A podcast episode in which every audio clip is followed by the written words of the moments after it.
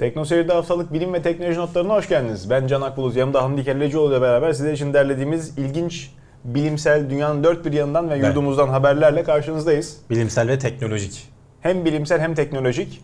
Bilim ve teknoloji deyince ortak payda hemen bir isim yükseliyor aklımıza. Elon Musk. Evet. Bizim zaten ilk üç maddemiz hep genelde onun Doğru. girişimleriyle vesaireyle falan ilgili oluyor. Özel bir şey. hayranlığımız yahut kendisinin bize bir sponsorluğu maalesef henüz söz konusu değil. Evet bir sponsorluk olsa fena olmazdı aslında. Ama öyle gibi duruyor çünkü propagandayı çok iyi beceriyor Amerikalılar. Ve sürekli gündemde tutmayı başarıyorlar. Ama yapılan boş işleri. propaganda da değil Can. Hani bir şeyler yapıyorlar yani. Tabii, Altı tabii. Dolu yani. Ya zaten boş propaganda olsa mümkün değil. Bu kadar Ee, kimse konuşmaz değil mi? Tabii bir yerden sonra suyu çıkar.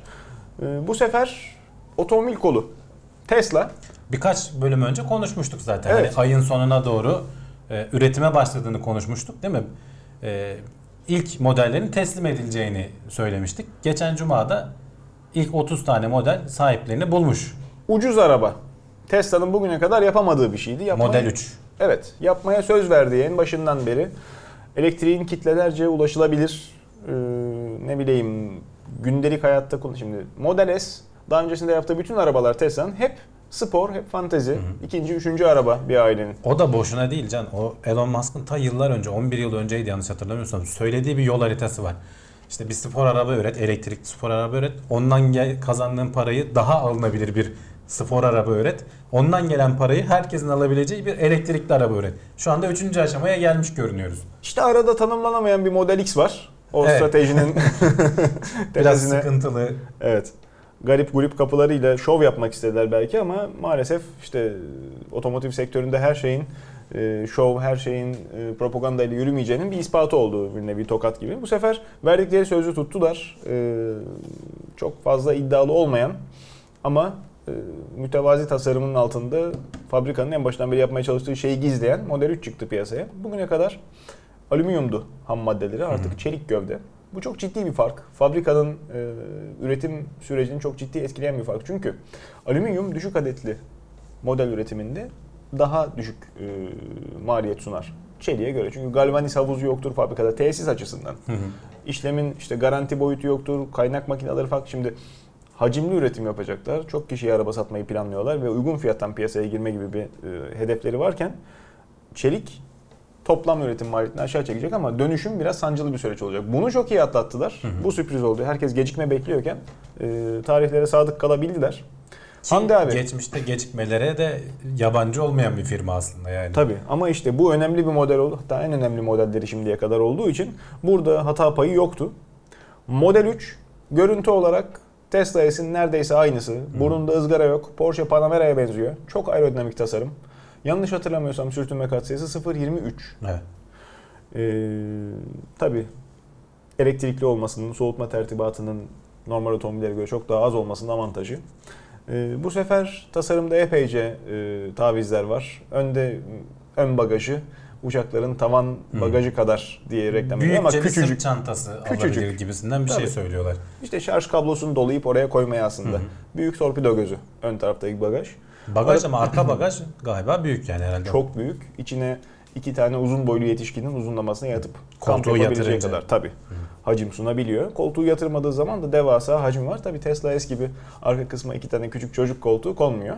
O biraz daha küçük kalmış. Hamdi abi burada herkes arabayı görünce sevindi. İşte ilk çalışanlara teslim edildi. Bir küçük oyun var yalnız. Onun e, altını çizmek isterim. Bu arabanın satış fiyatı 35 bin dolar değil. 35 bin dolara satın aldığımız şey sadece en baz donanım. Küçük Doğru. pil ve siyah renk. Siyah dışındaki her renge 1000 dolar fark istiyorlar. Bu bir.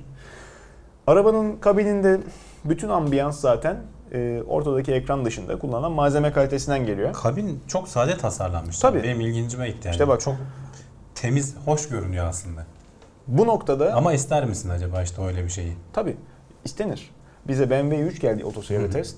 E, diğer benzer fütüristik tasarımlı konsept araçları da incelediğimizde hep kullanılan malzeme eğer güzel olursa, malzeme işçilik güzel olursa kabin tasarımı sadeleştiğinde daha ferah, daha yaşanılası bir ortam sundu. Ya o- çekti. orası kesin ama sonuçta alışkanlıklarını değiştirmen gerekecek. Tabii. Yani direksiyonun önünde bile gösterge yok. Yani o öyle çok araba var ama. bilmiyorum benim gördüklerimde yok Öyle yani çok araba kadar. var. Ne bileyim Citroen'ler var, eski Renault'lar var. ortaya almış olması Tabii O Mini'nin biraz de belki dezavantaj işte. alameti farikasıdır. Ama şık göründüğü kesin. Daha akıllıca tasarım. Şimdi ikinci jenerasyon olduğu bu arabanın besbelli. Ben her defasında kızıyordum. Diğer üreticiler takip ettiği zaman onları da kızıyordum testlerde.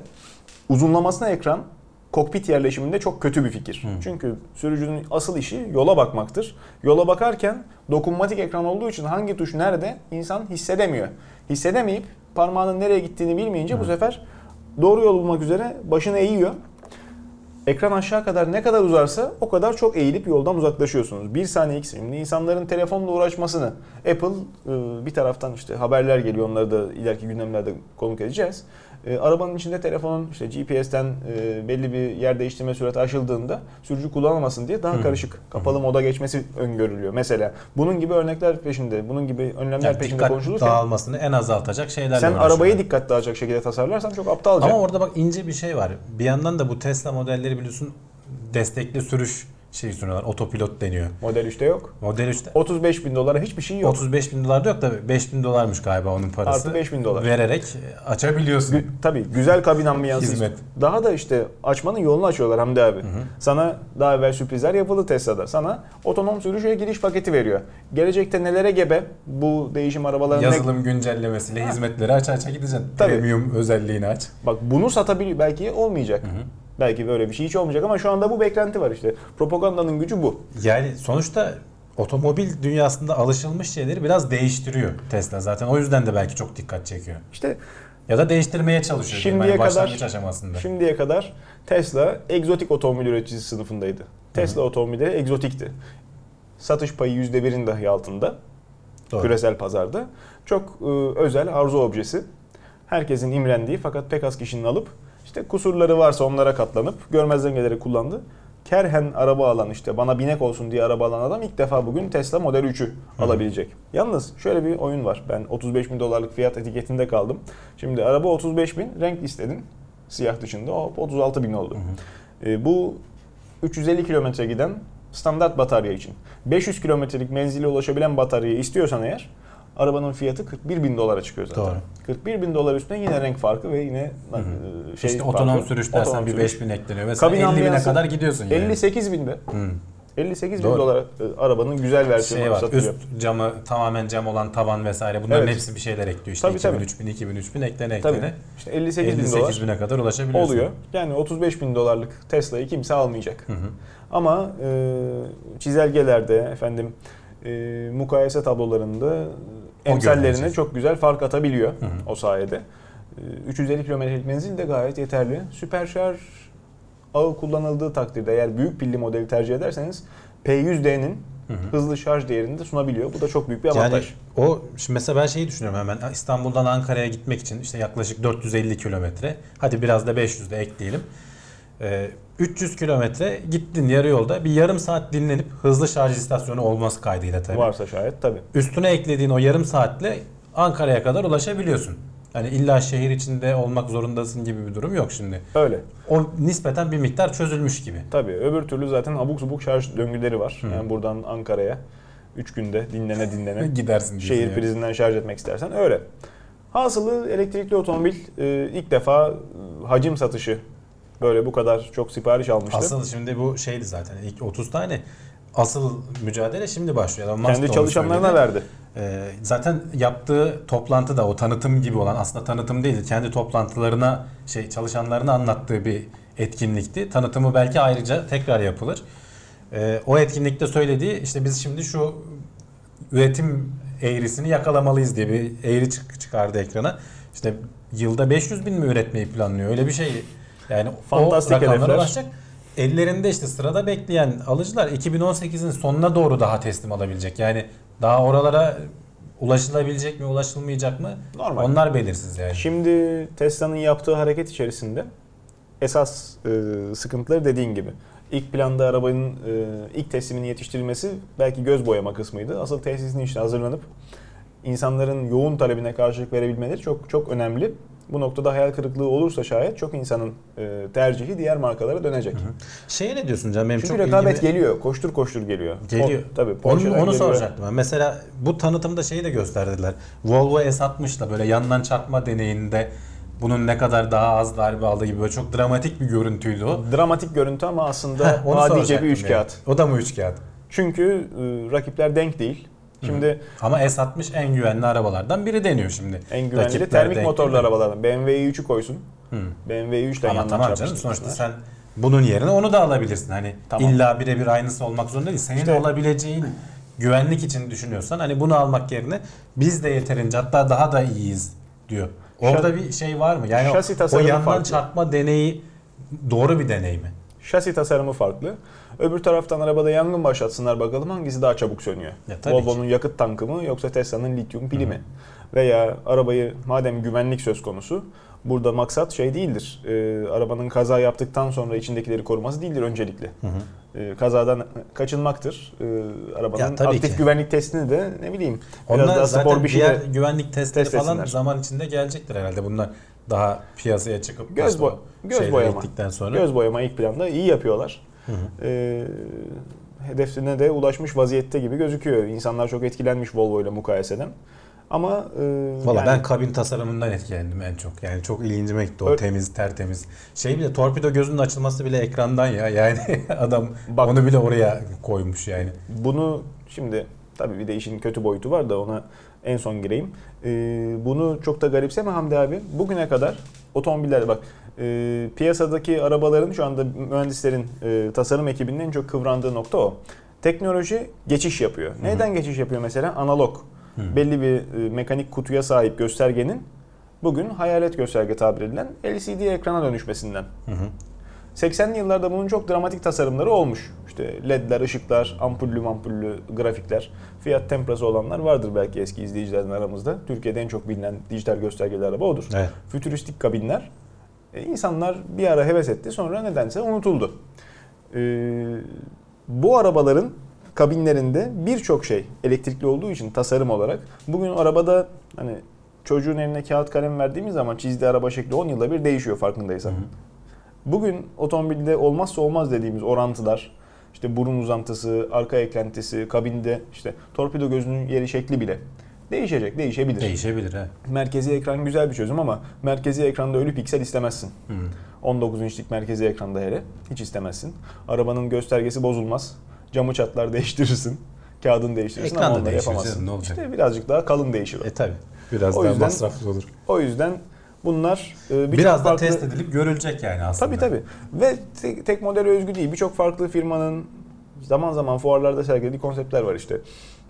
Nasıl olsa çıkmaz aman boş ver deyip Hı. çoğu zaman sümen altı ediliyor otomotiv basın tarafından ama yanlış. Ee, çok hızlı rekabet geliyor. Bak birbiri ardından Avrupa'da da zaten e, bunun önünü açan yasalar var. Şehir merkezine elektrikli arabaların girmelerini teşvik eden. hı. Çünkü zaten bizde yabancı bir kültür. Ee, biz genelde trafikten sebep zaten giremediğimiz için para ödeme kültürü yok. Ama Oralarda Şehir- öyle durumlar var. Tabii şehrin merkezine e, şeyle giriliyor, biletle giriliyor. Arabayı kimse sokmuyor, dışarıya park edip toplu ulaşımla giriyor falan. Şimdi hiç yani para ödeseler dahi dizel arabalar alınmayacak ve alınmamalarının sebebi çevrecilik falan değil, gürültü. Medeniyet seviyesi farkına insanların dikkatini çekmek için. Har har har çalışıyor özellikle diyorsun sonuçta E, arabaya. Tabii. Şimdi e, çevrecilik çevrecilik, gürültü de bir çevre kirliliği hı. aslında. E, spor otomobillerde de farkındalarsa izleyiciler süper spor klasmanında özellikle sunulan bir artı. Arabanın V12 motoru var 600 küsur beygir ama yanında elektrik motoru da var. Sokaktan çıkıp da otoyol bağlantısına gelene kadar çevreyi rahatsız etmesin diye. Bu önemli bir şey. Hı. Estetik. Oraya gelene kadar biz daha toplu ulaşımın minibüslerin didi didi didi diye kornayla müşteri aradığı günlerdeyiz. Model Yani. işte böyle diyorsun yani. Model 3 böyle ama Daha Elon Musk duruyor mu? zaten. Konuşuruz konuşuruz her türlü. Elon Musk duruyor mu? Durmuyor. Ee, Falcon Heavy'nin de fırlatma tarihini açıklamış. Evet. Bu yılın içinde olacağı hatta sonlarına doğru olacağı tahmin ediliyordu zaten. Ama geçmişte ta 2013'te 2014 civarında olur dendi. Sonra ertelendi. Dedim ya Elon Musk'ın projeleri bazen böyle ertelemelerle hep gündeme gelebiliyor. Bu e, Gündemde kalıyor daha doğrusu. Evet ama sonuçta eninde sonunda da oluyor yani. Falcon Yani. Heavy'yi de Kasım ayı içinde bir ara yapacağız dedi. Tam kesin tarih vermedi. E, ama artık hani herhalde bir şeylere güveniyor ki Kasım ayı içinde yani bu yıl içinde olacak o da yine. Ee, ne önemi var? Ee, SpaceX'in şu an fırlattıklarının motorlarının 3 tanesini bir araya geldiğini düşün. Çok çok daha güçlü. İşte 27 tane roket motoru var en altta. İsmiyle Ee, müsemma Falcon Heavy. işte ağır şeyleri taşımak için, Ağır yörüngeye tabii. çıkarabilmek için şu an kadar çıkardıklarından daha şeyleri ağır, işte ne bileyim daha ileriye, daha uzağa belki işte aya gitmek vesaire falan gibi görevleri bu sayede yapabilir hale gelecek ama daha test aşamasında. Hatta işte geçtiğimiz aylarda yerde işte ateşleme testi falan yaptılar. Merkezi o sistemin 3 tane sistemden oluşuyor dedim ya. Şimdi bunların üçünün bir arada çalışması falan çok çok daha zor tabii. Bunlara hiç beklemedikleri o titreşimler, e, vibrasyonlar vesaire falan mühendislerin çözmesi gerekiyor. Herhalde işte belli bir aşamaya gelmişler ama çıtayı çok aşağıda tutuyor Elon Musk. Di- Söylediği şey yani rampadan yeterince uzaklaşıp işte patlama falan olursa rampaya zarar vermezse ben başarılı kabul edeceğim diyor. Bırak yörüngeye falan çıkmayı. Ama hedefledikleri şey bu üç tane şu anda hani bir tane fırlattıklarını tekrar indirebiliyorlar. Üçünü de tekrar indirebilmek. İkisi karaya inecek, bir tanesi denizdeki platforma inecek. Şimdi bu noktada tabii e, bu adamlar sonuçta insan. Yapmaya çalıştıkları şey de fizik kuralları dahilinde gerçekleşiyor. Bugüne kadar hep biz başarılı projeler hatırlıyoruz. Bir şeyleri yaptığını hatırlıyoruz ama nasıl yaptığı pek de yansımıyor basına aslında. Yani Başarısız canım, denemeler var. Başarısız denemeleri de biz çok gündemlerde konuştuk. Yani Tabii. o indirmeye çalıştı. Kaç kere herhalde 3. 4.den sonra başarılı bir şekilde inebildi yere. Şimdi demek istediğim şey şu. Düştüğü zaman düştü diyoruz. İndiği zaman şöyle indi, böyle indi işte şuradan hesapladık buradan. E düştüğünü de öyle anlat. Şöyle düştük, böyle yarıldı, Ya canımızı okudu. anlatmaz canım, onu Ha, o kadar o da yüzden akılda beklemeyeceksin. kalmıyor.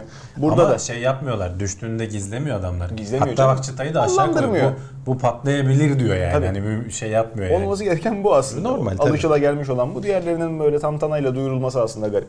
Ya gerçekten yüksek teknoloji can. Yani buralarda hakikaten bil- çok az bilinen şeyleri bularak çözerek gitmeye çalışıyorsun. Sorunları üzerinden üstesinden gelmeye çalışıyorsun. Bunlar çok normal. Tabii. Kendi bir sözü vardı. Tam şimdi net olarak bütün ayrıntısını hatırlamıyorum da eğer hata yapmıyorsanız yeterince yenilikçi şeyler yapmıyorsunuz gibi bir sözü var Elon Musk'ın. İşte eğer Burada kaza yapmıyorsanız arabanızı yeterince hızlı kullanmıyorsunuz gibi bir evet yani söz onu- vardır. onun Or- bir benzeri. Onu da çalmış üçkağıtçı. Peki. Hayırlısı olsun. Ee, ilk öte uydu adayımız bulunmuş olabilir. Öte uydu deyince de bir garip oluyor. Yani, yani. Exomoon veya işte e- öte gezegenler olduğunu biliyoruz biz. Ne demek? Güneş sisteminin dışındaki gezegenler. Hani işte 4000 ışık yılı, işte 1 milyon ışık yılı ötede başka güneşler olduğunu, yıldızlar olduğunu biliyoruz. Işıkları E, Ama bunların çünkü. etrafında dolanan gezegenler olduğunu da biliyoruz. İşte bunlara öte gezegen deniyor. O öte gezegenlerin etrafında dolanan uydular da var. Onlara da öte uydu deniyor.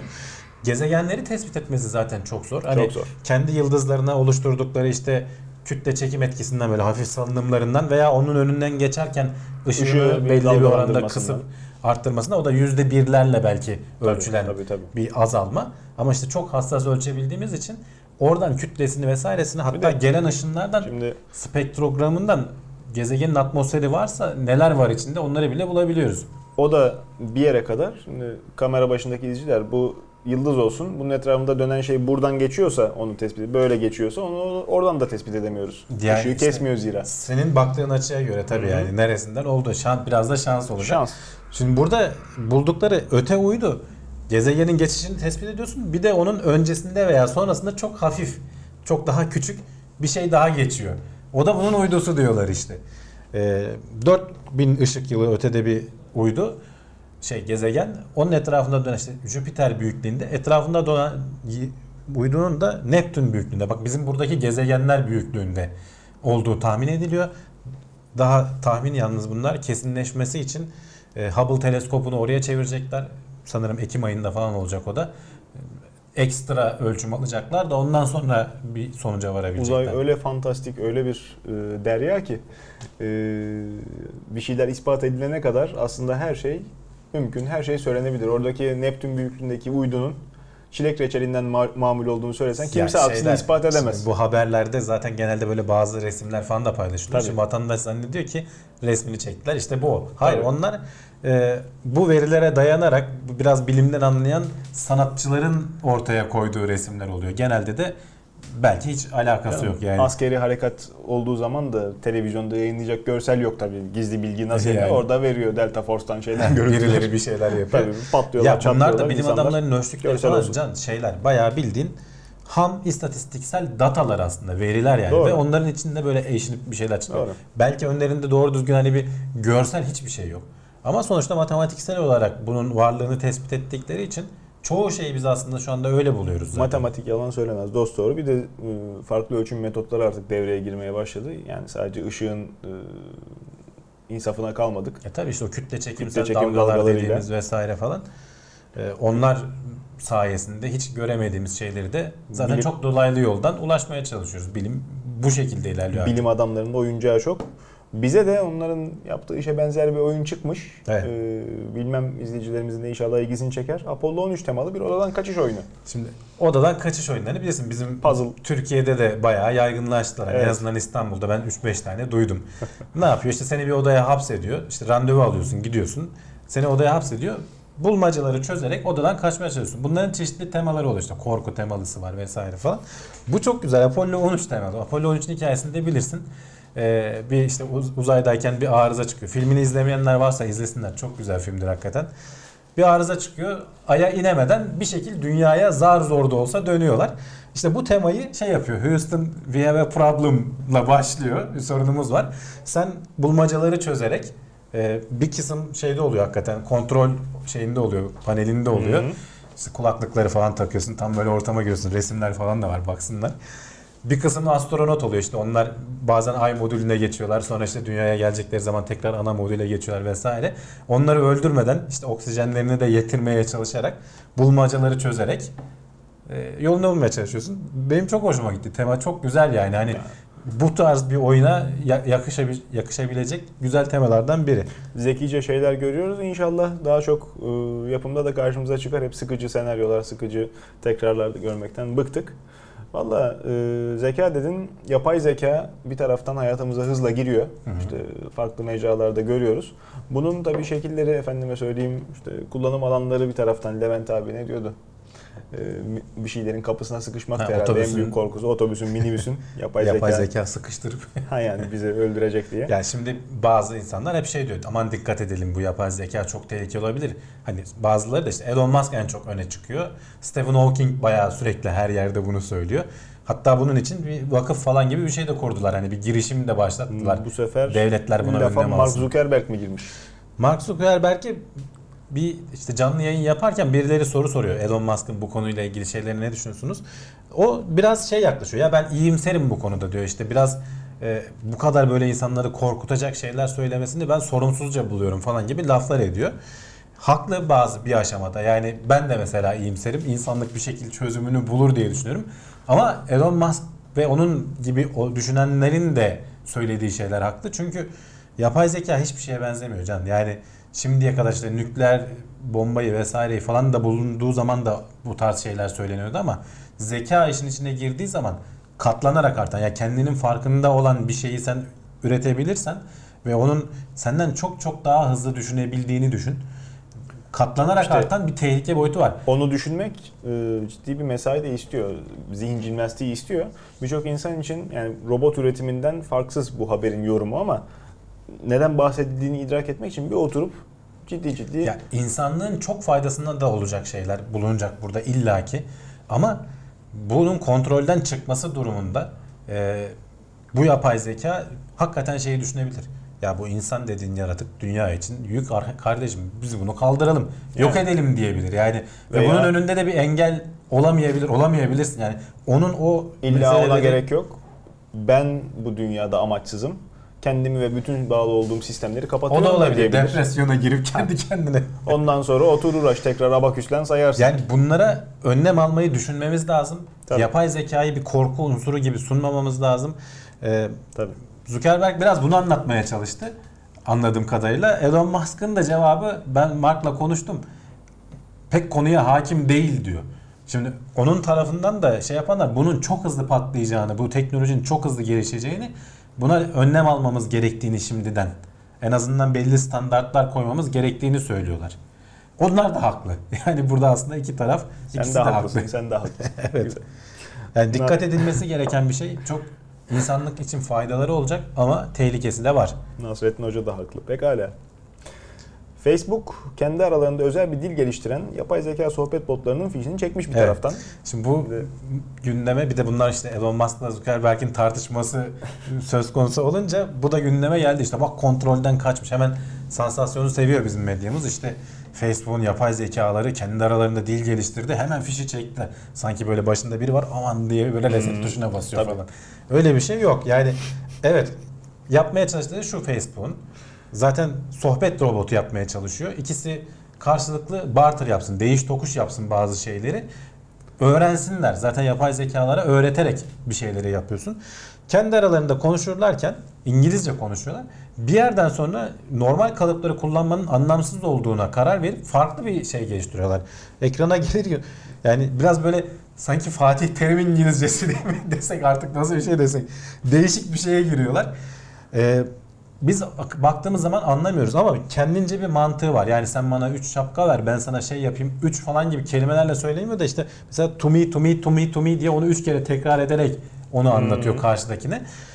Facebook bunun fişini çekiyor çünkü amaçladıkları şey bu değil. Doğru. Amaçladıkları şey insanlarla konuşabilecek bir zeka. Tabii. Yani Tabii. bunun bir anlamı yok adamların projesi için. Doğru. O yüzden sonlandırıyorlar. Doğru. Ve yapacakları şey de e, İngilizce kalıplar içinde konuşmaya zorlayarak tekrar başlatmak bu projeyi aslında. Yani Doğru. öyle yapay zeka kontrolden çıktı da işte kendi aralarında konuşmaya başladılar Yani falan. bütün verilerimizi Biraz ifşa etti. seviyoruz yani bu tür Tabii. böyle bilim kurgu şeylerini. Burada öyle bir durum pek yok. Gazetecilik ahlakı nerede kaldı Hamdi abi? Bütün Yani haber sitesi ayrı bir konu. haber sitesi dediğin zaman iş tık çalmaya dönüyor. Tık İşte çalma olayı Facebook patladı. öyle bir şey yaptı ki diye zaten bunu verirler hemen. Veya yapay zeka öyle bir noktaya geldi ki.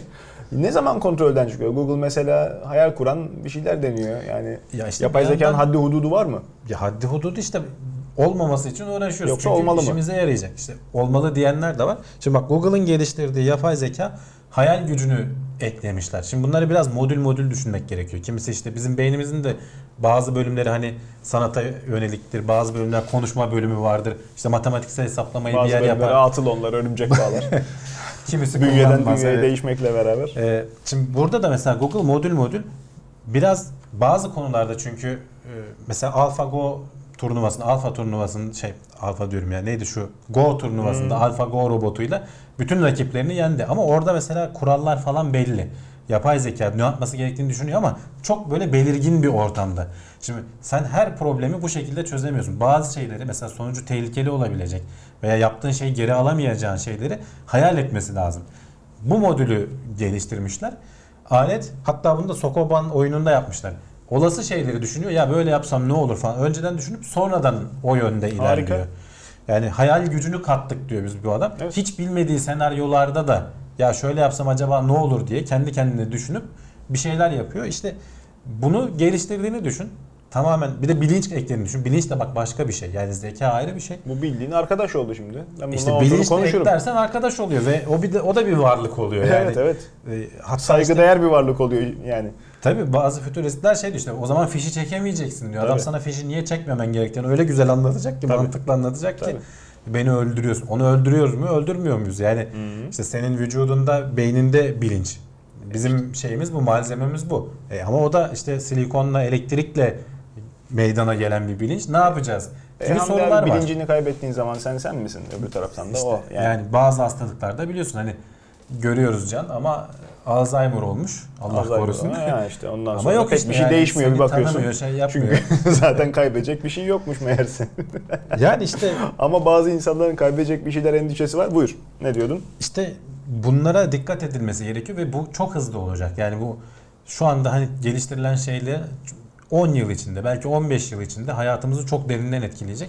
Bu biraz korkutuyor Demin bazı ki Facebook insanları. haberinde söylediğin şey benim e, garime gitti. Yani e, fişi çekip tekrar İngilizce e, dil kurallarına e, uygun şekilde yeniden öğrenmesini e, sınırlayacakları bir senaryonun başlatılması. Yani e, bu süreç ne kadarlık bir zaman kaybını getirecek ki? Şimdi yarın öbür gün diyelim tamam sistem her şeyi e, ele geçirdi artık bütün e, hortumları bağladık yapay zekaya.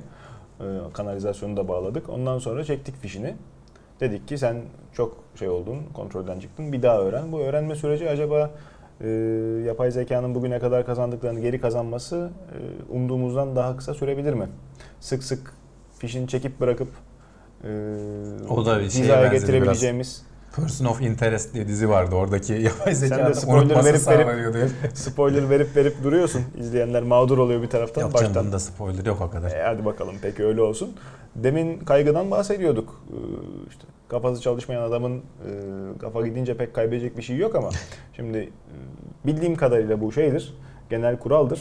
İşte ilkel zamanlardan itibaren erkekler avcı, e, yırtıcı, parçalayıcı, kadınlar daha toplayıcı, dikkat alanı daha yakın mesafeye yönelik e, işlerde başarılı olur diye bir Hı hı. genel psikolojik söylem var. Bilmiyorum e, ne derece doğrudur. Konunun uzmanları çok daha düzgün kurar eminim bu cümleyi.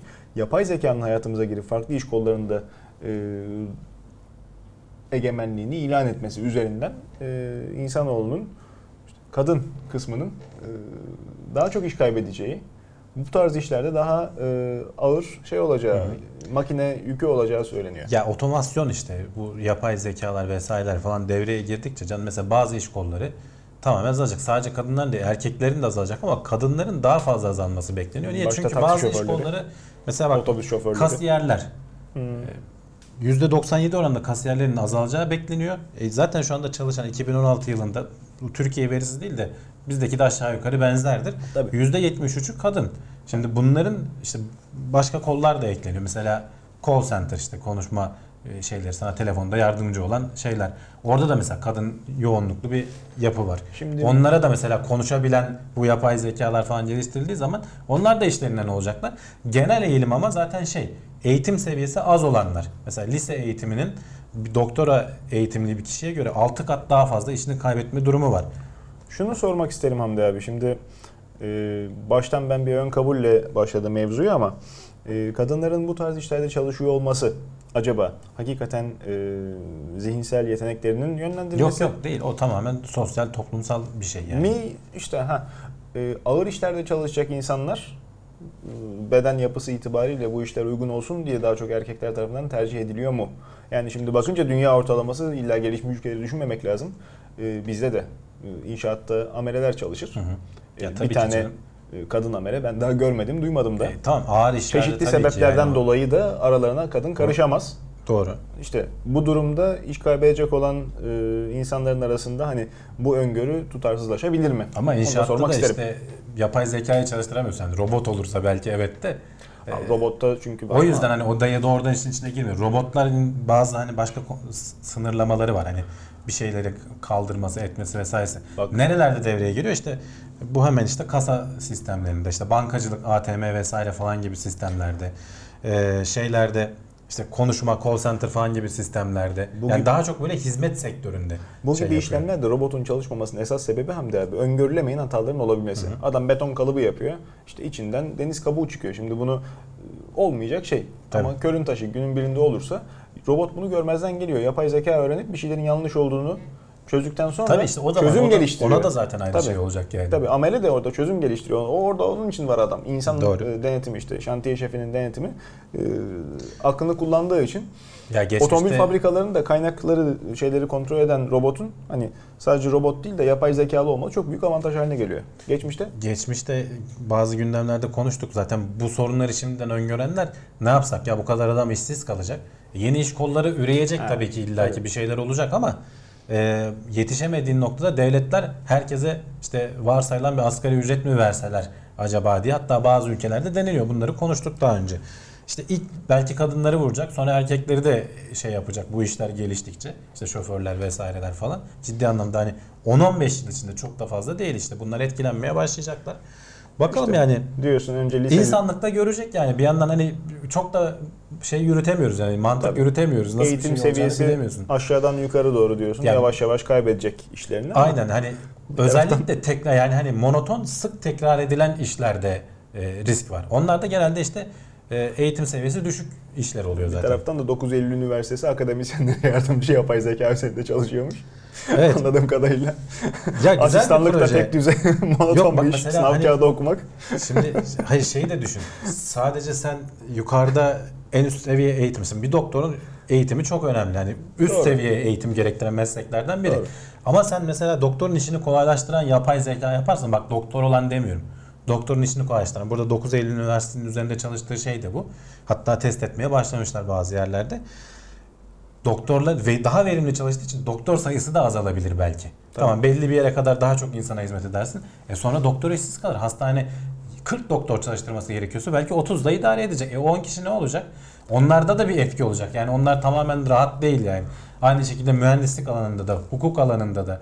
Şimdi avukat belki çok böyle ince noktaları bilecek ama avukatın yanında çalıştırdığı stajyerler, yardımcılar belki azalacak. Bu bu tür böyle yapay zeka tırnak içinde söylüyorum. Hani bizim anladığımız anlamda böyle bilinçli bir şey değil ama burada da sonuçta bu konuda doktorun karar vermesini kolaylaştıran bir zeka ortaya koyan bir şey var, sistem var. Evet, evet. Ee, tamamen hani böyle konuşan insan gibi bir şey olmasa da e, bu İşte 9 Eylül o hale gelmesini engelleyen ne var? Orada onu anlamak güç. Çünkü sen zeka veriyorsun. Tabii. Önüne bilgi alma imkanı işte veriyorsun. sınırlı tutuyorsun. Mesela şimdi İşte yani- fare de zeki sonuçta kendine göre yaptığı işte bir zeka koyuyor ortaya ama sınırlı nöronlarla bize göre yaptığı için o işe odaklanıyor. Sen de de burada da yapay zeka sonuçta mesela bu 9 Eylül Üniversitesi'nin özellikle hedeflediği şeylerden biri doktorlar çok fazla içeriği tarayıp hastanın geçmişine falan anında hızlıca bakıp karar veremediği için zamanları da vesaire de olmadığı Doğru. için Amerika'da da böyle sadece bizde yönelik değil. %70 oranında mesela gereksiz testleri uyguluyorlar hastaya. Aynı testi belki tekrar yaptırıyor yaptırması gerekmediği halde. İşte bunları bu sistem azaltacağını iddia ediyor. Böylece hem e, maliyetleri azaltıyorsun, verimliliği arttırıyorsun. Tabii. Belki test sonuçlarında anormal bir şeyi doktor oturup da böyle 10 dakika incelemeden Şimdi- o söyleyecek. Şuralara dikkat et bak buralarda bir şeyler var diye. Söz konusu bu sistemler ona yarayacak. Tabii verimlilik diye de bakmamak lazım yani. El kadar bebeği sen götürüyorsun. Tabii. Tahlil yapınca çocuğun içi dışına çıkıyor. Delik deşik oluyor. E tabii işte tahliller İnsan hani bazıları yıpranıyor. zarar verebiliyor Tabii. vücuda vesaire. Onları da azaltmış faydalı. oluyorsun. Bu haberde ilginç olan şey Can kullanılan resim e, bir tane Stormtrooper bizde de var bak aynısından Aa evet. masaya yatırmışlar. O ilginç Lütfen bekliyor. Onunla biz ne yatırmayalım. Biz hiç bunu kullanamadık. Yapay zeka falan geliştiremedik. Bu kenarda duruyor öyle bizde. Tekno seyir farkı bu da doğru işte. insanların elinde Doğru. yapay zeka geliştirme Bakarsan bağ olur, bakmazsan dağ Biz olur. de, biz de böyle Peki. bekliyor kendisi. Pekala. Beklemeye devam etsin. Ee, farklı yerlerden farklı şeyler geliyor, haberler gelmeye devam ediyor. Bir taraftan işte ilginç bir tespit. İnsanoğlunun daha evvel e, genetik olarak aldığı işte gen grubuyla ayırt edebildiği fakat herkesin aynı lezzeti aynı tonda algılamadığı, aynı kokuyu aynı tonda algılamadığı ispat edilmişti. Bugüne Hatta kadar daha geçen hafta konuşmuştuk galiba Tabii. buna benzer bir şey. Tabii doğru söylüyorsun. Ee, hatta işte bugüne kadar şeyde e, söyleniyordu üstüne yani bu ispat edildi ama renk skalasını hepimizin kırmızıyı kırmızı gördü. Yani ben kırmızıyı böyle görüyorum, sen kırmızıyı başka türlü değil. Böyle gördüğün sesleri de aynı şekilde duyduğumuz, ayırt ederken Hı hı. aynı şekilde duyduğumuz ispat edilmişti ama bir taraftan deniyor ki şimdi e, mevsimlere göre bizim renk algımız değişiyor. Değişiyor. Yani öyle çok dramatik büyük ölçüde değişmiyor ama değişiyor. Bunu bir test de yapmışlar. En herkesin ortak e, şey yaptığı renk sarıymış Can. Sarı rengi yaptırmışlar. Bir aynı testi Haziran ayında yapıyorlar bir de Ocak ayında yapıyorlar. Haziran ayında her taraf yeşil böyle renkler falan doğa daha bir coşmuş. Yeşil renk ağırlıklı. Senin bilincin e, bu rengi kompanse etmek üzere kendini ayarlamış oluyormuş. Sarı rengi şey yapıyorlar. Senin önüne bir tane işte şey veriyorlar. Ne denir? Ayar çubuğu. Size en sarı hangisi geliyorsa bunu ayarlayın diyorlar. İşte en sonunda da şeyi ölçüyorlar. Ne kadar işte yeşile veya kırmızıya kayıyor senin o seçtiğin Anladım, sarı. anladım. Yıllara şeye mevsimlere göre yazın yapılanların daha çok yeşile kaydığı tespit edilmiş. Yani senin algıladığın sarı mevsimden mevsime göre bile değişiyor. Çok enteresan. Yani çok, ufak enteresan. farklar tabii ama var yani böyle Ama algılama. Zaten hani internet bu tür videolarla dolu. Ee, Göz yanılmaları, Hmm. renkler falan. Sen işte görüyorsun kareler var böyle Tabii. koyu açık koyu açık. Adam alıyor koyudakini bir getiriyor. O, o da beyazmış. Senin gözün onu re- açık renkli veya koyu renkli algılamak üzere. Çünkü gölge geldiğini düşünüyorsun. O öyle orası öyledir diye algılıyor beynin. Tamamen farklı görüyorsun rengi Tabii yani. tabii tabii. Beynin küçük oyunları var. Hepimizin gözünde zaten sinir düğümünün arkada e, görme alanına girdiği bir nokta var. O noktayı aslında kör nokta. Hı hı. Beyin sürekli grafik işlemcisi çalışıp diğer etraftan bulduğu parçaları oraya e, angaje ederek E e, şeyleri öyle görüntüyü yani. kesintisiz veriyor. Hem öyle hem de şeyden e, önünde mesela kesikli çizilmiş bir daire. Daire şekli diyorsun. Hani daire değil o kesikli. Hafif Evet, yuvarlak kesik çizgi aslında. Evet, evet. Ama onu daire olarak o insan beyninin tamamlama yeteneği çok fazla zaten. İşte bir taraftan da Çoğu şeyde o yüzden mesela böyle işte domates kesilmiş içinden işte İsa heykeli çıktı işte üstü çıktı yok Ya. Allah yazıyor falan. Bunlar senin hep tamamlama yeteneğinden kaynaklanan Tabii, tabii. şeyler aslında. işte Ağaç kesiliyor orada yok bulutta Atatürk resmi çıkıyor falan. Yani dağda dağda arka üstü yatıyor paşam. Yani. Tabii. Ama şey e, nedir adı? Yüz tanıma fonksiyonu da buradan sebep çok başarılı aslında. Tabii, tabii, Yani tabii. o yüzden robot İşine milleti çuvallıyor. yani. Tabii. Tabii ki. Yani bu Ama mesela hiç saçma yüz şey olmayan diye- yerlerde onun resimleri de vardı. Hiç yüz olmayan yerlerde mesela lavabo, musluk falan biz yüz görüyoruz orada. E, görüyoruz Ama tabii. aslında musluk var o burun gibi işte Hmm. açma kapama kolları da göz gibi algılanıyor. Öyle çok alakasız yerlerde yüzler görebiliyor insan. tabii. O tabii. bizim tamamen şeyle alakalı. Öyle evrilip gelmesiyle alakalı sistemin. Olay genetik diyorsun. Evet. Genlerle oynuyoruz bir taraftan da bakalım sonumuz ne olacak. Amerika'da CR, ISPR tekniği. CRISPR diye okunuyor kısaca. Bilemedim işte. CRISPR de diyebiliriz Türkçeleştirip. Upuzun bir açılımı var tabii onun. O da o aman ona sokma bizi gözünü seveyim. İlk defa insan embriyosu üzerinde denenmiş. Sonuçlar ne olmuş? Şimdi e, bu insan embriyosu veya işte DNA'sı oynama biliyorsun Etik etik, açıdan hep özellikle batı toplumlarında engelliyor. Mesela bu Çin'de daha önce yapılmıştı. Doğu toplumları veya işte hani e, Yapıldığı söyleniyordu. Afrika için çok iddia var. yani tabii Veya işte, işte, gelişmemiş memleketlerde hayır, yapıp sonuçlarını açıklayanlar anlamında hani bilim Doğru. dünyasına sonuç olarak Amerika'da yapıyordu. Nerede? Meksika'da işte orada özel yerler tutup kendi ülkesinde yasak olunca oradan çalışıp sonuçları. Bu ilk defa özel izinle tabi canlı insan embriyolarında yapılıyor ama bunlar tekrar insana büyüyecek şekilde yapılmıyor. Öldürülüyor, yok ediliyor yani. Daha o aşamaya gelinmedi. Ama sonuçta bizim bu tekniği şeyden anlama deneyip insan farelerde vesairelerde falan deniyorsun. E, insan üzerinde de deneyip sonuçlarını görmemiz lazım. Çünkü yüzde yüz bir şeyi düzenleyip sonuca ulaşamıyorsun. Mesela o geçen hafta konuşmuştuk galiba GIF yüklemişlerdi ya. Evet, evet. Geri okuduklarında hafif bozulmalar vesaire Tabii, vardı ama tabii. %90 oranındaydı yanlış E, hatırlamıyorsam doğru okuma oranı. İşte sen bunu bir insanda genetik bir hastalığı düzeltip koyduğunda belki yanlış ufak da olsa hata payıyla nerelere nelere yol açabilirsin. Bunların hep test edilmesi lazım. Ama hemen etik devreye giriyor işte. Sen bunu bir insan üzerinde yapabilir misin? Yaparsan ne olur? İşte anneler babalar bu sefer şeye başlarsa işte mavi gözlü çocuk istiyorum falan. Bunlar hep etik konular tartışılıp zamanla çözülecek şeyler.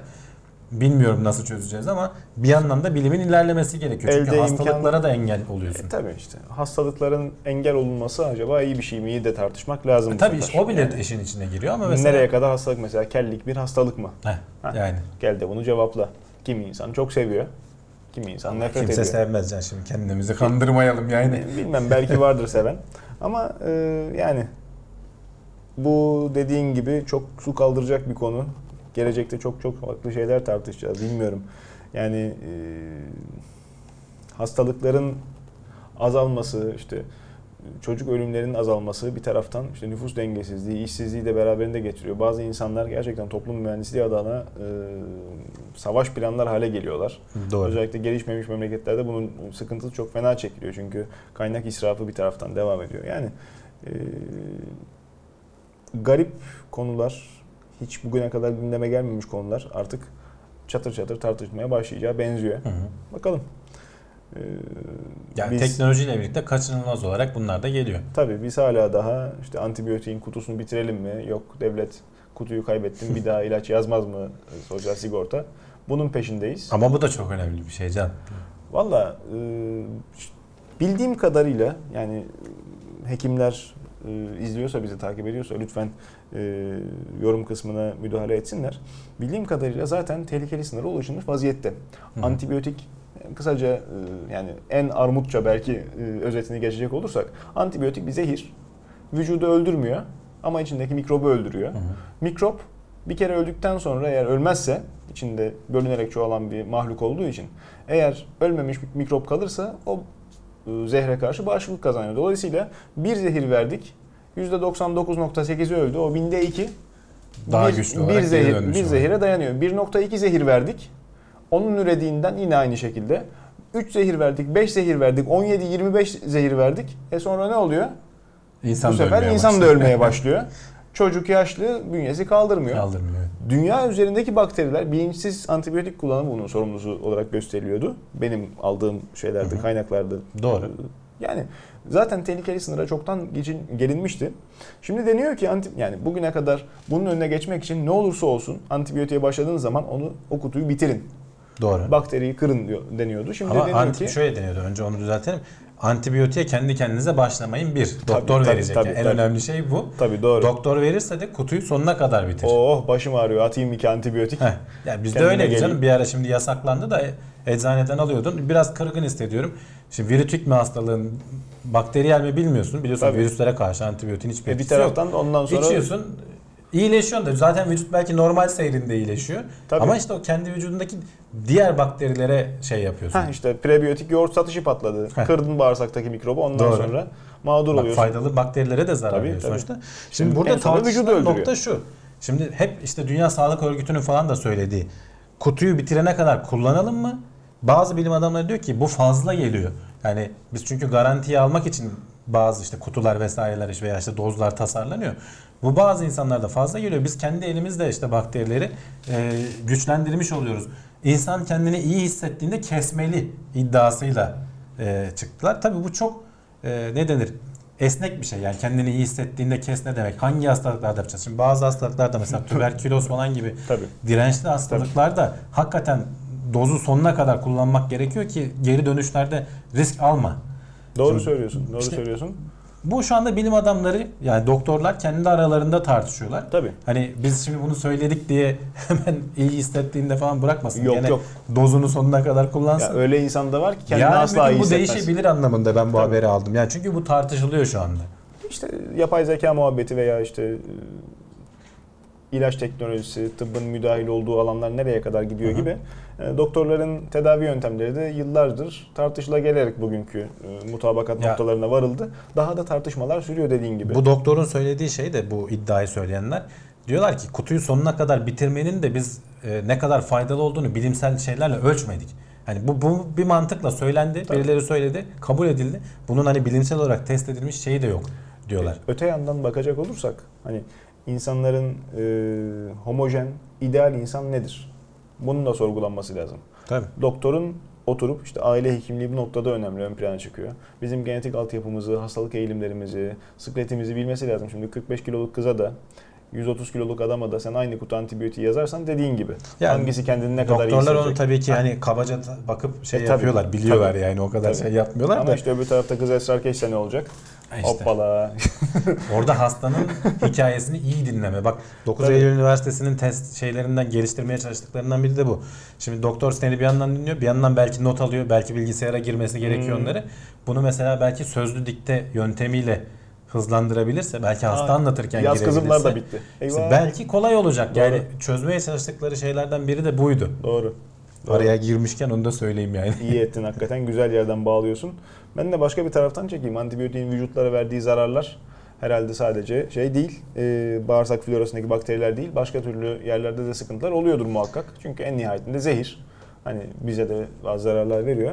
Hani e, batı toplumu denmiş ama bununla Çünkü da testler oralarda yapılabiliyor. Alakası var mıdır? Çok doğru söyledin. Bilimsel testler diyeyim yani Doğru büyük oranda. Tabii. Anladım. O halde insanlıkta diye düzeltelim mi? Onu bilemeyiz işte. Onu Ölç- bakmak lazım. ölçülebilir kısmında erkeklerde ciddi bir sperm sayısı azalması Evet. gözlemlenmiş. Yani şöyle ciddi dediğimiz 1973 ile 2011 arasında karşılaştılar %52 Hı hı. azalma. Yani Evet. yarı yarıya düşmüş 40 yılda. Yani, Yani yani bunun sebepleri bilinmiyor ama işin ilginç yanı bu. Yani bunu tespit edebiliyorlar. Geçmişte de bu yönde araştırmalar varmış. Onlar da bazı işte şimdi bu ölçüm teknikleri vesaire falan bilim böyle ilerliyor. Sen bir şey buluyorsun, o sonuçları yayınlıyorsun bir dergide. Bir sürü ona işte atıflar geliyor, reddetmeler geliyor, Doğru. başka araştırmalar geliyor. Yani yavaş çok yavaş ilerleyen bir süreç. Ee, biraz gazetelere veya işte bizim popüler yayınlara indiği zaman biz biraz fazla üstün körü geçiyoruz. Burada da mesela geçmişte benzer araştırmalar var ama onları mesela çok eleştirenler de var. Siz şu yöntemlerle hata yapmış olabilirsiniz o yüzden böyle sonuçlara ulaştırdınız diye. Yalnız bu araştırmada bunların hepsi göz önüne alınarak bir sonuç çıkarılmış. Ee, ve bu ciddi anlamda sperm sayısının azaldığı 40 yılda e, batı toplumlarında diyorum tekrar özellikle çiziyorum. Belki doğuda böyle bir şey so- sonuca ulaşılamayabilir. Yeterince test yapılmamış. Belki yaşam kültürüyle alakalı işte sebebini bilemiyoruz. Stres midir? İşte kimisi cep telefonları diyor, kimisi antibiyotikler diyor, kimisi beslenme şeklimiz diyor. Kimisi toplumsal yapı diyor. Tamamen hani biraz daha işte feminen bir yapıya kaydı. Maskülen böyle testosteron ağırlıklı bir yapı değil de eski tip aile değil de bunun etkisinin olduğunu söylüyor. Belki de hepsinin bir etkisi var. Ama Bence sonuçta bilgisayar böyle oyunları. Gözlemlenmiş bir şey var. Olabilir yani. Kot pantolon diyen bile var biliyorsun haberlerde çıkıyordu Ee, zamanında. işte, kovboylar. Çok büyük bir sorun olmuyor çünkü işte tüp bebek falan gibi teknolojileri de geliştirdik bir yanda. Hani senden bir tane sperm Hmm. alıp e, zor da olsa hani normal döllenme yöntemlerine göre sonuçta şey yapabiliyorsun. E, bir şekilde işte tüp içinde dölleyip annenin rahmine koyabiliyorsun. Aa işte Bunlar da inkişaf ettikçe bir tabii, şekilde tabii. dengeleniyor. tabii. Yani Ama böyle bir eğilim var. kaldı ki bir de üstüne biz e, dans edip işte genomuyla oynamaya, e, içeriğine müdahaleyle tabii. Belki onun da üzerinden o şekilde geçilecek. Bir taraftan kök hücre tedavisi var. Hazır e, yani teknoloji o yönde de ilerlerken farklı nimetlerden istifade edilmiş. İşte erkeğin ikinci beyni, kafadaki beyin e, kök hücre yerleştirilmesiyle e, yaşlanmanın geciktirilebildiği e, iddia ediliyor. Yani tabii ki fareler üzerinde yapılan bir deney bu. İnsanlar üzerinde değil. Bir taraftan da farelerin artık deney faresi olarak kullanılan hayvanatın çok steril olduğu için işte tutarsız sonuç verebildiği gerçeği E var. Zaten o yüzden mutlaka ondan sonra insanda da denemen gerekiyor. İşte bu CRISPR haberinde de Yani. farelerde zaten yapılıyor bu çeşitli hayvanlar üzerinde. E, insanı da bir şekilde denemen lazım. Şimdi buradaki haberin ilginç noktası şu Can. E, beyne kök hücre ekleyerek e, %10-15 oranında bu hayvanların daha uzun yaşaması, daha sağlıklı olması sağlanmış. Hmm.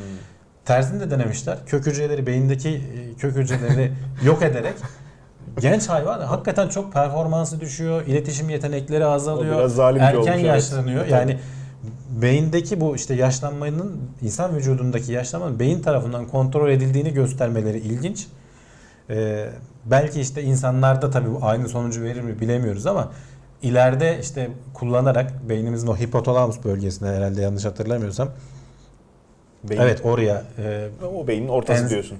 Zerk edilerek işte en bu böyle şey. tatlı yere ilgiyi çektiğin. İşte buraya veriyorsun kök hücresini. Onu verdi anladım. Zaten hani genç beyinlerde bu kök hücreler çok zamanla azalıyor, yok oluyor. 30'lu yaşlarda falan tamamen kaybolmuş oluyormuş. Ondan sonra gerilemeye başlıyorsun. Aa üzüldüm şimdi işte bunu en- deyince. engellemenin yöntemlerinden biri Şuramda bu tabii olabilir taş diyor oldu. gelecekte. Aa yani beyinle oynamak çoğu zaman sürprizlere gebe olduğunu gözlemlediğimiz tarihi kayıtlarda. Evet. E, 1930'larda yapılan deneylerin hala daha şeyleri duruyor, e, kayıtları duruyor. Dönüp de onlara bakıldığında işte lobotomiden tut da LSD'nin tesirleri. Yani fare beyni üzerinde çalıştığın zaman çok fazla psikolojik analiz E, yapamıyorsun hayvanın tabii yani hayvan ha- dav- neler görüyor anlatamıyorsun ha, derdini. Farenin eline bıçak versen bakalım neler yapacak. Onu Yani gözlemlemek mümkün değil. O yüzden beyin üzerinde geliştirme, araştırma yapılması riskli, çok enteresan. yani beyin bir de çok gizemli bir Yani e, organ. Sonuçta her şeyi kontrol eden hataları da yani hastalıkları da çok garip Tabii, oluyor. Yani, yani bilinç bilinç de içerdiği için tabii işte insanın tanımına e, insanın tanımını sorgulamaya varan şekilde beynin e, fonksiyonları şey Ya şeyde e, bir hayati. kitap vardı. Neydi zamanında okumuştum. Oliver Sacks diye bu nörolojik falan Hı hı. konusunda ünlü bir adam var. Ee, karısını şapka zanneden adam diye bir kitabı vardı. Hı hı. Onun içinde böyle 5-6 tane kendi hayatı boyunca karşılaştığı ilginç vakaları yazmış. Bulabilirlerse okusunlar. Çok ilginçti hakikaten Tabii. vakalar. Yani başlık da yanlış değil. Adam karısını şapka zannediyor falan. Tabii Yani canım, tabii, tabii, tabii. Yani hakikaten çok enteresan bütün e, yani olmaz denen şeyleri bir kere daha sorgulamak lazım insanın elinin ayağının. Hani ikişer tane, ya şeyler üçer falan tane olur mu olmaz diyorsun da işte ya işte var olan ayağın tanımlama işte, bozulduğu zaman öyle bir oluyor ki. ayağı kesilmiş veya işte savaşta kopmuşlar da işte phantom leg sendrom diyorlar işte. Evet, evet. Hayalet. O ayağın var gibi hissediyorsun. Acısını çekiyorsun vesaire. Tabii. Beyinde ya böyle garip garip şeyler. Veya ne bileyim tabağının sadece sağ tarafını gör- gören adam var. Sol tarafı algılayamıyor. Hep tabağı böyle çevirerek yiyor. Yarısını yiyor. Tabağı çeviriyor diğer yarısını yiyor. Nasrettin Hoca'nın baklava tepsisi Mutlaka olmasın. kalıyor yani. Her seferinde yarım yarım sonsuza kadar gider ya. Mutlaka kalıyor. Adam bitiremiyor. Ya onun dışında Aç adam. ya çok ilginç deneyler yapıyorlar Can. Mesela şey deniyor bir tane hatırladığım kadarıyla. İşte diyor ki işte sokağa girdin sağdaki binaları say. İşte sayıyor işte McDonald's var, Burger King var işte ne bileyim İş Bankası var falan. Soldakileri say diyor. Sayamıyor adam. Şimdi diyor sokağa tersten gir diyor. Sağdakileri sayıyor. Bu sefer öteki taraftakileri sayıyor. Az önce saydıklarını sayamıyor. Tabii canım. Adam hep bir tarafı Tabii. göremiyor yani. E, öbür taraftan başka şeyler de var şimdi. Hep e, bir yetenekten mahrum kalma örnekleriyle biz konuştuk ama e, süper güçler kazanan beyin hasarlı insanlar da var. Tabii. E, kafadan e, dörder beşer haneli sayıları çarpıp bölen efendime söyleyeyim işte Yaratıcılığı patlayan bir belgeselde izlemiştim. Adam normal bir adamken inme iniyor. Ee, beyin kanaması geçiriyor daha doğrusu. Ee, kurtarıyorlar. Sonrasında adamda bir hasar oluşmuş beyinde ama işte yaratıcılığı patlıyor. Adam her şeyden bir şey çıkarıyor. Böyle evde yanan mumla- mumlar var. Onları döküyor bir resim yapıyor falan. Ama işte o, o kadar bozulmuş ki aile tam hayatları. oluyor. Karısı boş, boşanmış yani. Boşamış adamı çünkü Tabii. adam her şeyden bir şey üreten sanatkar Tabii. moduna geçiyor. Tabii yani. tabii istenmeyen bir e, durum. İşitme engellilerde, görme engellilerde benzer tezahürleri oluyor uzuv kaybıyla beraber. İşte dediğin gibi adam doğuştan el, kolu bacağı yok. E, Ağzıyla tutup resim çiziyor. Hmm. Hem de hiç ol, yani bayağı birçok insandan güzel çiziyor çizdiği resimleri. Doğru. Veya görme engelli kulaklarıyla ses yankısını takip ederek işte bisiklete binebiliyor. Bırak yürümeyi. Hı hı. Sokaktaki engebeleri, engelleri bisiklet üzerindeyken o süratte ayırt edebiliyor gibi. Çok enteresan örnekler var. Bilim adamlarının yapacak çok mesaisi var. Var var. Ama işte bunlarla uğraşırken insani temel vazifeleri unutmuşlar herhalde. Bir grup bilim adamının elektrikli yiyecek üretmesini. Nedir bu fırında makarna mı? Yapmışlar. Bildiğin biyoreaktör diyorlar ama elektroliz gibi çalışıyor. Yani Haber olmuş. e, içine işte karbondioksitini koyuyorsun. işte belli bir mikroorganizmalar koyuyorsun. İşte iki tane de işte elektrik artı eksi kutbu var. Hı hı. Bildiğin bu canlılar protein ve işte karbonhidrat üretiyorlar. Yani Yine bakteriden yenilebilir şey. Tabii tabii. Ya bakteri mikroorganizma demiş de herhalde bakteridir tabii Bakteri ki. Yani canım. ee, bunu tabii şu anda çok mesela çok yavaş süreç. Küçücük bir şeyde denemişler. 2 haftada 1 gram protein üretmişler. Ama bunun yapılabilir olduğunu gösterdik diyor. Doğru. Bu 10 yıllık bir süreç içinde biz bunun çok daha büyüğünü ve çok daha hızlısını yapacağız diyor. Dokusunu falan farklı da mesela farklı mikro mikroplar kullanarak farklı dokularda şeyler de üretebiliyorsun. Yani işte ürettikleri şey %75 protein, %25 karbonhidrat. Yani bayağı saf bir şey. Hiç böyle şeylerle uğraşmayacağız ileride diyor adam. İşte Hayvan büyük yerleri ekelim, biçelim. Tabii. tabii. Yani işte biliyorsun onun sera gazı etkisi vesaire falan da var. Ee, Canlı hayvanların işte et tüketimi için. Bir taraftan da birçok Ben şeyi düşünüyorum bunun. Bu geliştirilirse işte Mars'ta ne yiyeceğiz?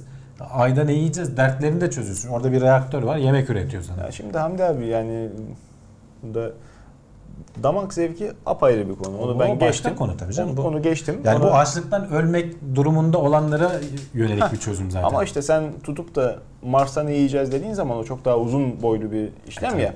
Dolayısıyla bir taraftan bunun ucuz yollu et, ucuz yollu besin üretimi olduğu da söyleniyor. Can bir sürü firma uğraşıyor. Yani hayvan olmadan laboratuvarda et nasıl üretiriz?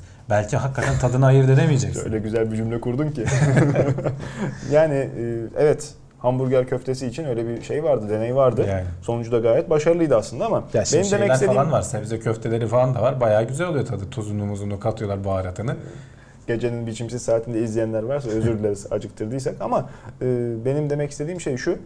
E, farklı doktorlar işte bezlenme uzmanları e, yemek konusu açıldığı zaman işte şuradan şu enzimi almak lazım, şunun yağı iyidir işte. Hı. Ne bileyim yani sen bakteriden sentez ettiğin şey bir e, bademin e, verdiği besin değerini Evet, tabii ki canım. protein bazında karbonhidrat üzerine yani kağıt üzerinde belli parametrelerde belki yakalar ama aslında vücudun e, ihtiyacı olan yağ e, asitleri şeyler verilmez, vitaminler verilmez. Yani, tabii. Yani dediğin gibi günü kurtarmak ama işte ucuz yollu, bol keseden insanları dağıtacak, açlığı bitirecek e, şey olarak bir taraftan belki yapay zekanın e, temel iş güçlerini e, ele geçirmesiyle e, sefil hale düşecek insanlara ödenecek ödeneğin azaltılması Hmm. yolunda mı çalışma olacak? Bilmiyorum Aç artık kalmasınlar, nerelere kadar adam- gidebilir. Yani ama e, özel durumlara haricinde hoş değil anladığım Değil kadarıyla. tabii ki canım. Ya nasıl Yani- bir şeyde kullanacaklar bilemiyorum. Yani beni çok şaşırtan kısmı hani böyle bir kap üzerinde bir işte biyoreaktör diyorlar bir de ona.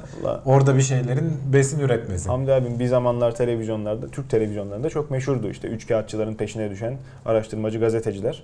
e, türlü besin e, gıda zincirinde e, yapılan üç kağıtlar orada gözümüze getirildi, gözümüzün önüne getirildi. İşte pazarlarda satılan açık e, pul biberin arasına, toz biberin arasına, pul biber değil özür dilerim, toz kırmızı biberin arasına kiremit tozuna Kiremit, kadar hı. yani kaşar peynirinin kaç defa eritildiği, küfüyle beraber oh daha güzel lezzet kattığı, son kullanma tarihi geçmiş peynirleri toplayıp hurdayı bir daha e, kaynatıp verdikleri O falan gıda bildiği için- endüstrisinde neler var canım zaten İşte- o işe girersen. Ha, sosisin içeriği sorulduğu zaman işin uzmanları zaten e, hiç karıştırma orayı e, deyip geçiyorlar. O yüzden e, yani bu tarz şeyler teknolojik gelişme olarak iyi işte kabında kalırsa bizim çok bilimsel yolculuklarda falan işimize yarar diyorsun. Orada kalmayacağı E tabii gün ki gibi yani ortada. şey olursa, verimli olursa her yere yayılır her yani. yere yayılacak. Bundan da kaçamayacağız Zaten gibi. firmalar da buna uğraşıyorlar. İşte palmiye. Şimdi regülasyonların düzenli kontrol edildiği, insanların e, belli yasal e, sınırlara e, ölesiye riayet ettiği, insan hayatının değerli, herhangi bir hak kaybında da hak aramanın kolay olduğu memleketlerde milletin tuzu kuru. Ama işte 3. 5. dünya ülkelerinde yaşayan insanlar hani biz dahil miyiz değil miyiz o ayrı bir tartışma ama Kısmen O- dahiliz. ha işte belki de değiliz diyeceğiz. Ortalamadayız Bilmiyorum ama yani. sonuçta bu insanlar için bile bu bir tehdit. Doğru. Yani adam e, bugüne kadar işte hep bahsediliyor. Bizde de abuk subuk içerikler çıkıyor işte gıda katkılarının bazıları hiç de masum değilmiş. Değil tabii. Bazı memleketlerde yasak, kanserojen olduğu ispat edilmiş bizde satılıyor. Hem de bunu çocuk yiyor, Yani şekerleme şey diye olarak, yiyor. e, mevzuat olarak o kadar kötü değiliz. Genelde Avrupa Birliği'ni yakalıyoruz o konuda. E, Amerika ile Avrupa Birliği arasında falan da farklar olabiliyor. Yani İşte şu limonatamsı gazsız içecekler bir dönem Hı. çok reklam propaganda. Onların sarartan boyası mesela yanlışmış. Küçücük bir Doğru. haberle geçiştirildi gitti veya işte palmiye yağının sıkıntılı olduğu veya işte dönem dönem farklı e, kimyevi katkılar işte aspartam bizim piyasamızda monosodyum glutamat Hı hunharca kullanılıyor. Neredeyse her şeyde var her hazır üründe. çok güzel oluyor ama monosodyum glutamat. Böyle kaşık kaşık yiyorsun. Böyle üstüne döküp. Şey, oh tuz ot. Ama işte zararlı mı değil mi henüz ispat edilmediği için o biraz daha masum gibi dursa da yine de riski var. Var, var tabii. Olabilir. Olabilir, Problem en azından yani. Yani. Ama işte şey yapamıyorsun. Dışarıda bir yerde yediğin zaman mutlaka işin içine giriyor. Hani evde sen ne kadar kaçınsan da Ve işte yarın öbür gün eve de kasaptan aldığımız antrikot acaba bakteriden mi yoksa İslami usullere göre mi kesilmiş? onu, onu sorgulamaya başladığımızda vay halimize. Ya da onun kesildiği hayvan ne yiyip de büyüdü. yani bir de o boyutu var. Bunlar e, üzerinde cidden e, daha önemli durulması gereken işler. Evet, e, o kadar önemli olmayan bir başka e, mevzu da kokuyla alakalı TED alıntısı yapmışım. bir TED konuşmasına denk geldim bu hafta. Ya ilginç bir şeydi Can. Çünkü diyor ki koku reseptörleri şimdi burunda bulunan işte olfaktör reseptör deniyor. Bunlar vücudun bambaşka yerlerinde de bulunuyor diyor. Yani bu keşfedilmiş ve bunu araştırıyorlar. Neden? Mesela böbrekte niye koku reseptörü var? İşte ciğerde niye var? Ee, diyor ki aslında burnumuz çok iyi bir şey e, molekül dedektörü. Yani havadaki o koku molekülleri sonuçta bir şey geliyor burnuna ve onu o reseptörler beyinde sen onu koku olarak algılıyorsun. Hatta insanın bir trilyona kadar farklı kokuyu algılayabildiği söyleniyor. Beyne doğrudan bağlı. En kesin Doğrudan bağlı. şey Böbrekte ne alaka? uyarı sistemi. Diyor diyor ki e, konuşmacı yani sen bir molekül dedektörü yaptıysan diyor niye diyor bir daha tekerleği icat edeceksin. Hmm. Aynısı orada başka bir işlev işte ne bileyim belki işte kandaki üre miktarını ölçüyor veya belli şey. Mesela ilk bulunanlardan biri sperm. Yumurtanın nerede olduğunu nasıl biliyor işte yüzüp gidiyor ya. Hayvan tabii. İşte aslında bir çeşit molekül bir kokusundan algılıyor aslında yani. Doğru. Bizim bildiğimiz gibi havadan yayılan bir şey değil de belki sıvı ortamda yayılan moleküllerden. Hayvanat dünyasında koku çok daha sık kullanılan Yani- bir argüman. Yani Tabii. karıncaların Yani onlar- tut da her türlü Tabii. Feromonlar falan işte balinasına o şeyler. kadar tabii. Ee, işte burada insan vücudu içinde yani ne işe yarayabilir bunlar? Şeyi falan keşfetmişler. Mesela göz reseptörleri, görme reseptörleri kan damarlarında falan varmış. Ee, tad alma reseptörleri başka bir sürü yerde var. Ee, bunların hepsi aşağı yukarı aslında bir çeşit e, dediğim gibi molekül dedektörleri. Başka vücudun başka organlarına mesela böbrekteki bu dedektör şey işine de yarıyormuş. Kan basıncını ayarlamaya yarıyormuş. Ee, Reseptör 78 diyor bir ismi var onun. Ee, kan basıncını işte onları engellediğin zaman kan basıncı düşüyor. Belki bu aynı. yöntemlerle şey diyor bu Ama reseptörün farklı. bak ilginç bir şeye bağlayacağım. Bu reseptörün e, kısa yağ asitlerine işte çok hassas olduğu Dolayısıyla mesela bazı bağırsaklarındaki bakterilerin kısa yağ asidi salgılıyorlar. Onlar kana karışıyor. İşte ve o reseptörlere geldiği zaman senin e, yüksek tansiyonlu olmana neden olabiliyor. Yani ne kadar birbirine bağlı bir sistem Evet, evet, aslında. Evet. Bunları falan keşfetmeye başlamışlar. Bu konuşmacının direkt anlattığı şey e, böbrekteki bu reseptörün çalışma mantığı. Bunun nereler, nasıl bir işlevi var. Çok ilginci bekti. Hani burunda olan bir reseptörün e, hakikaten vücudun bambaşka yerlerinde farklı farklı işler yapması şaşırttı beni. Evet. Yani dediğin gibi bir daha tekerleği icat etmeye gerek yok. Çalışan bir mimari. Onu alıp farklı değiştirerek vazifeyle. başka bir yerde kullanıyor. Neden İnsan vücudu da akıllı yani. Sağlam kafa sağlam vücutta bulunur diyorsun. Peki. Ee, Bu seferki gündemimizi noktalarken çok kadim bir sorunun cevabını arayalım. İzleyicilerimizden de fikirlerini paylaşmak isteyenler olur. Şimdi köpek sadık dostumuzdur, kedi nankördür. Çünkü kedi öldüğümüzde bizi yer. Yer. değil mi? Köpek başımızda bekler mi? Acaba? Mi acaba? Şimdi bununla ilgili bir National Geographic'te bir şeye denk geldim. Makaleye denk geldim. Bu konuyu araştırmış. Kedilerin kötü bir ünü var bütün dünyada. İşte nankördür. Sen öldüğün zaman hemen yiyecek, senin gözünü yiyecek falan filan bir de böyle iyice dramatize ederler. Beni o kadar korkutmamışlar. Fena. Ama köpeklerde de durum farklı değil Can. Yani e, hatta yapılan bütün hani böyle rapor edilmiş şeyler de köpekler daha fazla. Çünkü hayvanın boyutuyla da biraz alakalı Tabii bu. canım. Ve daha sana zarar verebiliyor ve hani öyle işte köpek dayanır iki gün sonra açlıktan dayanamadığı zaman yer diye bir şey yok. Test yapılan hani araştırmalar diyorum da araştırma değil hep sonuçlar değerlendirilen sonuçlar da mesela biri intihar etmiş. Aile e, şeye rapor veriyor. Polise rapor veriyor. İşte arada bir saat geçiyor. Geldiğinde adam işte tüfekle vurmuş kendini ağzından ateş Hı hı. etmiş. Kafasının bayağı bir kısmı diş izleri. işte şey hayvanı almışlar hayvan barınağına götürürken yolda kusmuş. E, sahibinin işte bıyığını bıyığını çıkarmış. Yani daha bir saat geçmeden. Bunun şey olabilir diyorlar. Veya bunun gibi bir sürü örnek var. Daha büyük hayvanlarda kafanın tamamen gittiği. Genelde kafadan başlıyorlarmış. Bu yanaklar falan yumuşak geliyor herhalde. Bak şimdi zamanlama olarak e, gündemin akışında çok çok özür diliyorum bu Hamdi abimin kurgusu. E, Birkaç haber önce acıktırdın. Adamlar kalktı gittiler yemek hazır. Şimdi tam yerken bunu anlatıyorsun. Yapacak bir Biraz şey daha yok. yüzeysel geçebilirdik. Yani e, hayvandan hayvana da fark var. E, ben çok farklı kedi gördüm. Farklı köpekler de gözlemleme imkanım oldu ama bilfiil aynı çatıyı paylaşmadık. Yani hayvanın da karakteri var. Biri yer, biri yemez. Valla genelde işte şey diyor. Böyle Yani- durumlarda yaşananlar hani pek de hayvan şey yapmıyor. Yani sana ay bu benim sahibimdi falan. Belki şey olabilir diyorlar köpeklerde. Seni bir uyandırmak için gelip yüzünü müzünü yalıyor. Ondan Başarılı sonra "Aa, bak olamayınca- lezzetli gibi. Bir yandan da açlık dürtüsünü Tabii. verdiği şeyle bir de şey terk edilme korkusu köpeklerde biliyorsun daha bir şey oluyor. Baskın oluyor. Sosyal Hmm. hayvanlar oldukları için. O korkuyla seni ısırıyor işte. Isırınca o tadını alıyor. Evet. Kaptırıp gidiyor olabilir diyorlar. Yani ne bileyim.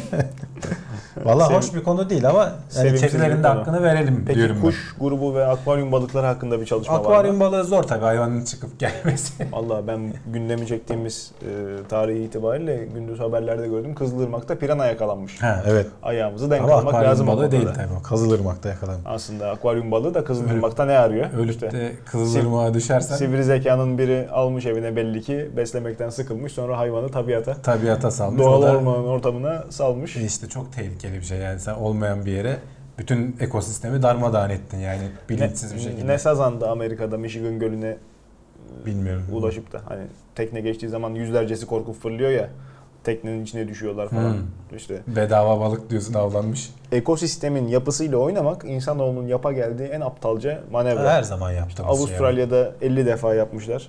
Önce götürmüşler. Aa bullfrog bu şey güzel beslenir burada bundan kurbağa bacağı yaparız diye götürmüşler. Hayvan öyle bir sevmiş ki Avustralya'yı kuş yemeye başlamış. Didiyle avlayıp Hmm. serçe yutuyor. Oh, Onları maşallah. tabii onları kontrol altına alana kadar millet epey uğraşmış. Ondan Bu sonra sefer yılanları salmışlar diyorsun ortalığa. Tabii canım tabii kobrayı salıp e, hayvanları dizginlemeye çalışmışlar. Ondan sonra götürmüş sivri zekanın biri bir çeşit kaktüs bahçesine mi ekti artık ne yaptıysa kaktüs de orada dinden imandan çıkmış. Çölü doldurmuş. Kanguruya zıplayacak alan kalmamış. Ciddi ciddi bunun üstünde yani sağlam para harcayarak araştırma yapılmış. Bir çeşit sineğin kaktüsün kökünü kuruttuğu anlaşılmış. O sinekleri salmışlar tabiata ki kaktüs nüfusu dengelenmiş. Şimdi biraz yaşanılabilir hale gelmiş. İşte Rusların Baykal Gölü'nü kuruttuğu gerçeği hı. var. Sulama projesi adı altında. Öte yandan işte en son yaşanan çevre dramı Amerika'da. E, Güya işte teknolojinin hakimi dünyaya yön veren e, süper güç ama kendi e, dibine ışık vermiyor mu? E, 2004 yılıydı galiba Katrina kasırgası 2004 mi 2005 mi? Hı hı. İşte o zaman balık çiftliklerinde bunlar Güneydoğu Asya'da yaşayan kemik kafalı çok kılçıklı olduğu için sevilmeyen bir çeşit sazan. Aptal da hayvan ama işte şey e, çok hızlı besleniyor. Hızlı yürüyor, Hızlı ucuz. yürüyor. Balık çiftliğinin içindeki yabani otları, şeyleri yesin. Hı. Diğer besi hayvanları daha rahat etsin diye bunları kafeslere şey kafes demeyeyim de işte onların file örgülerine salmışlar. E, Katrina kasırgasında sel basınca her yeri balık havuzları su seviyesi yükseldiği için balıklar özgür kalmış. Bu sazanlar da sızmışlar. Mississippi'yi çok sevmiş hayvan. Mississippi'deki kaynakları öyle hızlı tüketmiş, öyle hızlı üremişler ki yerel türler yok olmuş. Yok. Şimdi Şu an- bunu şeyden ne farkı var? Fukushima nükleer santralinin tsunami, tsunami'den zarar görüp radyasyon yayılmasından ne farkı var? Hiçbir farkı yok. Değil mi? Ama anlaş o kadar korkutuluyor ki böyle nükleer nükleer diye. tamam doğru. çok tehlikeli de bu da çok tehlikeli. Bu çok tehlikeli. İşte Yani- bütün oradaki endemik ne kadar hayvan varsa balık hepsini ya getirmiş. belki doğrudan insanı öldürmüyor, kanser yapmıyor ama işte. doğrudan insanı da öldürmüş. Nasıl Bunlar yani? işte gezi tekneleri Mississippi'de Hmm. insanlar yaygın balıkçılık şey. Balıkçılar zaten acından ölüyor o başka da. Motor sesi aniden gaz verdiği zaman hayvanlar binlercesi çıldırıyorlar. Kuvvetli de e, kafası çok sert olduğu için insanın başına çarpıp vurabiliyor, tekneden Hmm. düşürebiliyor. Oo. Beyin kanaması geçirtebiliyor.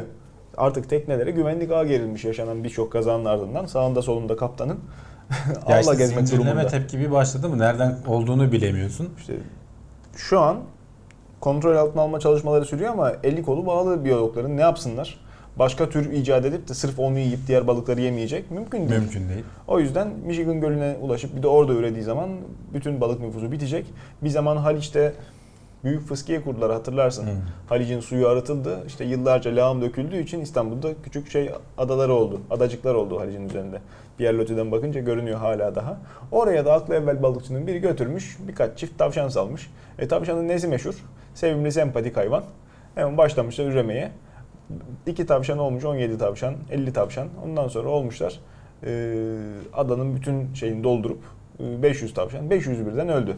Sonra Hı. bir daha orada tavşan üremedi. İşte e, şey de onun gibi olacak. Bu balıklar domine edecek bütün kaynakları tüketip ondan sonra aşırı yoğun nüfusu Doğru. sistem besleyemediği için çökecekler. Onların leşi temizlenmediği için de orası ölü göl olacak. Hı. Sistemin canını okuyacak yani hakikaten dediğin gibi. Nükleer felaketin göstere göstere gelen çok daha sevimsizi. Evet yani bilemiyorsun işte İnsan olduğu nasıl eliyle. sonuca Tabii, ulaşabileceğini. Tabii. İşte çok basit hatalar baktığın zaman kağıt üzerinde. İşte ondan sonra dedim ya Avustralya en çilekeş memleket belki. Avustralya'nın gümrük e, prosedürü çok sıkılaşmış. Hı hı. Bir daha kesinlikle Bütün kaydı olmayan. şeyler öyle yani sen yanında herhangi bir hayvan falan götürmeye kalktın da hemen aşıları kontrolleri var mı veya garip bir şey götürüyor. Yiyecek falan bile sokmuyorlar Bazısı ya. sana bana bile o muameleyi yapıyor ya karıştırma. Johnny Depp'len karısı e, yakın zamanın magazin haberi olmuştu. Avustralya'ya köpek mi sokmaya çalıştılar, kedi mi? Hmm. İşte kayıtsız. Ondan sebep sınır dışı edilmişlerdi. Hasılı üzerinde durulması gereken önemli bir şey. Öyle öyle. Hayvanı doğal ortamında beslemek lazım. Eve evcil iguana alıp da ondan sonra götürüp de bakamayıp Ha. doğaya saldığın zaman Fethi Paşa korusuna salayım bu burada semirir ya diye. tek bir tane salsan neyse de grubu halinde salsan Ya yandın işte yani. Sen bir tane salıyorsun, komşunun oğlu başka bir tane salıyor. Onlar birbirini buldu. Buluyorlar hoppa, diyorsun. Kopuyor film tabii. Yapmamak lazım böyle şeyler. Pekala. Bilim ve teknoloji dolu gündemimizden şimdilik sizlere bu kadar. Ee, önümüzdeki hafta tekrar karşınızda olmaya çalışacağız. Ee, aklınıza takılan hususlar yahut ne bileyim ilginç gördüğünüz, e, derlememize katmak istediğiniz haberler varsa yorum faslına bekleriz. Şimdiden iyi seyirler. Görüşmek üzere.